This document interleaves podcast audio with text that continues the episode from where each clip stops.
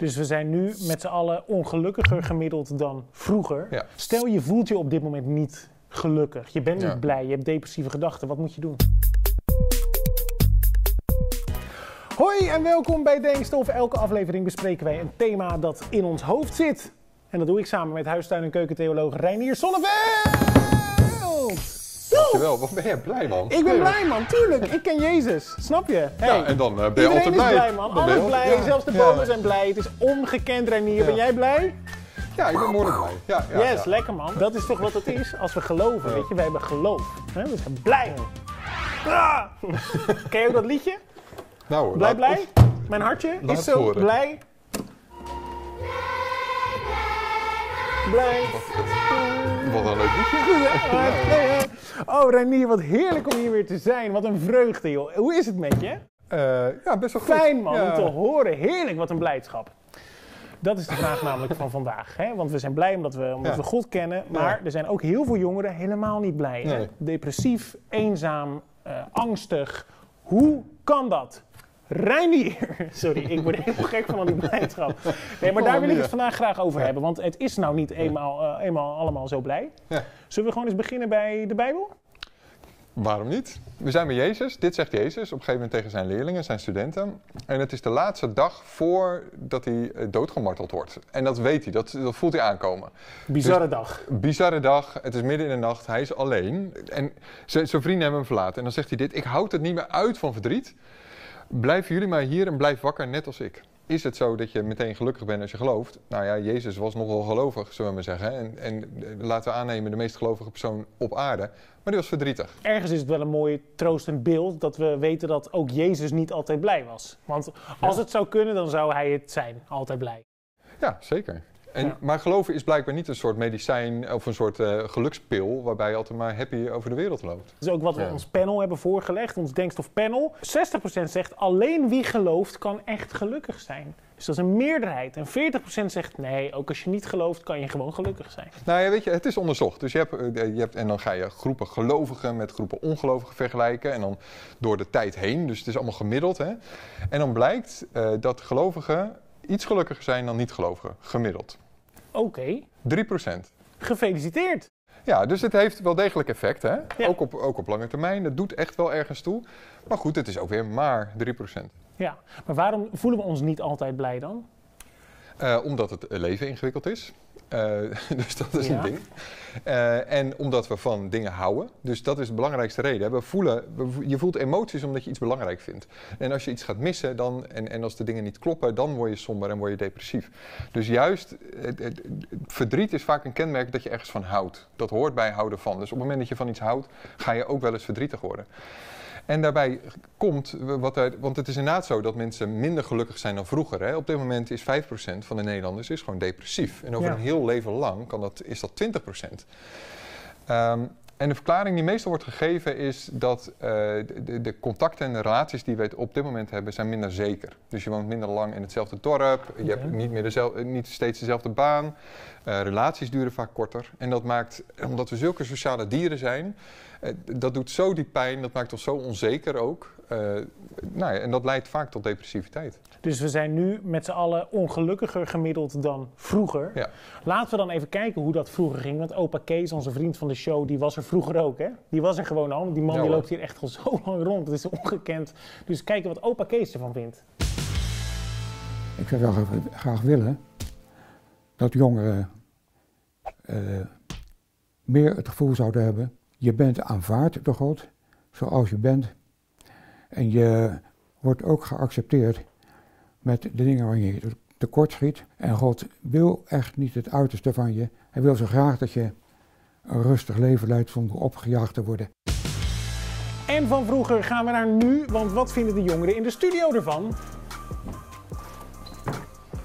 Hallo. Hallo. Denk jij dat als je niet gelovig bent, dat je dan ook gelukkig kunt zijn? Ik denk het wel, maar ik denk wel dat je dan minder duidelijk je doel voor ogen hebt in het leven. God heeft talenten in je gelegd. Als je niet weet wat dat is en hoe je daar gebruik van kan maken, denk ik dat je wel minder gelukkig bent. Heb jij zelf het geloof nodig om gelukkig te zijn? Ik denk het wel, ja. Ik denk eh, dat je je heel erg kan vastklammen aan dingen in de wereld en dat het niet altijd goed is.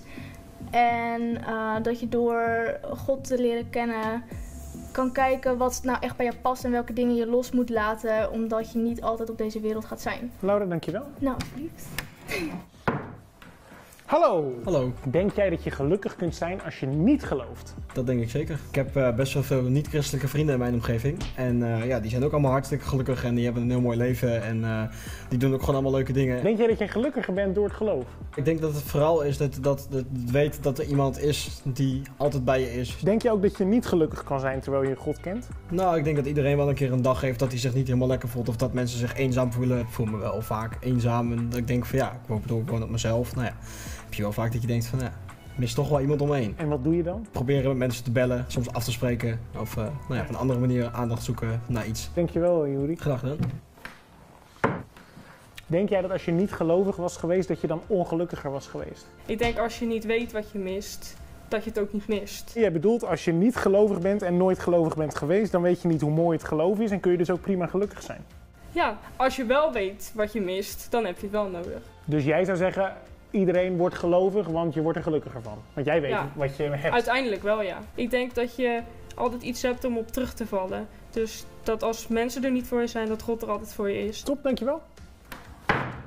Ja, het, het blijft toch lastig. Hè? We denken dat we gelukkiger worden door geloof, maar toch kan je zonder geloof ook prima eh, eh, gelukkig zijn, eh, hoor ik dan hier.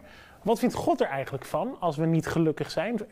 Is hij dan teleurgesteld in ons? Wat we hebben ervaren is dat God juist intens meeleeft met ons. Dus helemaal niet met een vingertje van, oh jij voelt allemaal dingen die die je niet mag voelen of iets dergelijks. God voelt het ook.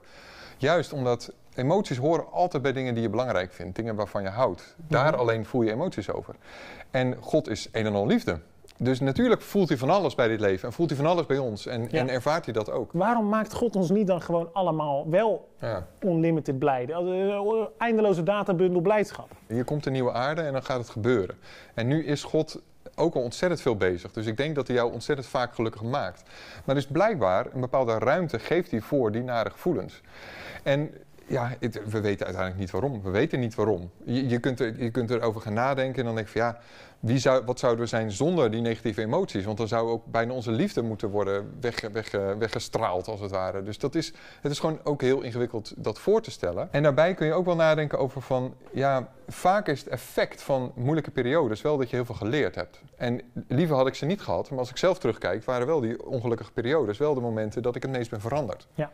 En dat is niet zozeer de zin ervan of iets dergelijks, maar vaak wel, wel het effect ervan. En, Ja. ja. Ze brengen je ook wel iets dan uiteindelijk. Ja, en dat wil, je wilt liever niet op die manier, maar het is wel blijkbaar de manier waarop het bij mij en heel veel mensen gaat. Stel je voelt je op dit moment niet gelukkig. Je bent Ja. niet blij, je hebt depressieve gedachten. Wat moet je doen? Het belangrijkste wat echt het meeste verschil maakt is goed slapen. Dus op tijd naar bed, op tijd eruit. Oké, klinkt redelijk simpel ook om te doen. Ja, dat- nou ja, als je echt ongelukkig bent, dan kun je dus vaak niet in slaap komen en, en wil je heel, heel lang blijven hangen. Dus, dus dan heb je hulp nodig. Dus dan moet je aan huisgenoten of aan mensen in je omgeving vragen om je eigenlijk uit bed te sleuren. Eh, en gewoon eh, ja, de dag eh, vroeg genoeg te beginnen. Hm. Dat heeft enorm effect en ook heel snel effect. Binnen een paar dagen merk je dat al. Daarbij komt gewoon goed eten, genoeg vitamine, genoeg buiten komen, genoeg bewegen. Heeft enorm, enorm verschil. Als je een bepaalde verslaving hebt, ga er wat aan doen. Want ook dat, je komt in een spiraal en dat is gewoon heel naar. En eh, op lange termijn zeker, zorg dat je mensen blijft ontmoeten. Wat we vaak doen als we niet gelukkig zijn, is ons terugtrekken. Maar juist ga eruit, ga mensen fysiek ontmoeten. Gewoon één op één, gesprekken voeren, even kort contact. Leg weer contact met oude vrienden, mensen van de sport, van de kerk, familie of wat dan ook.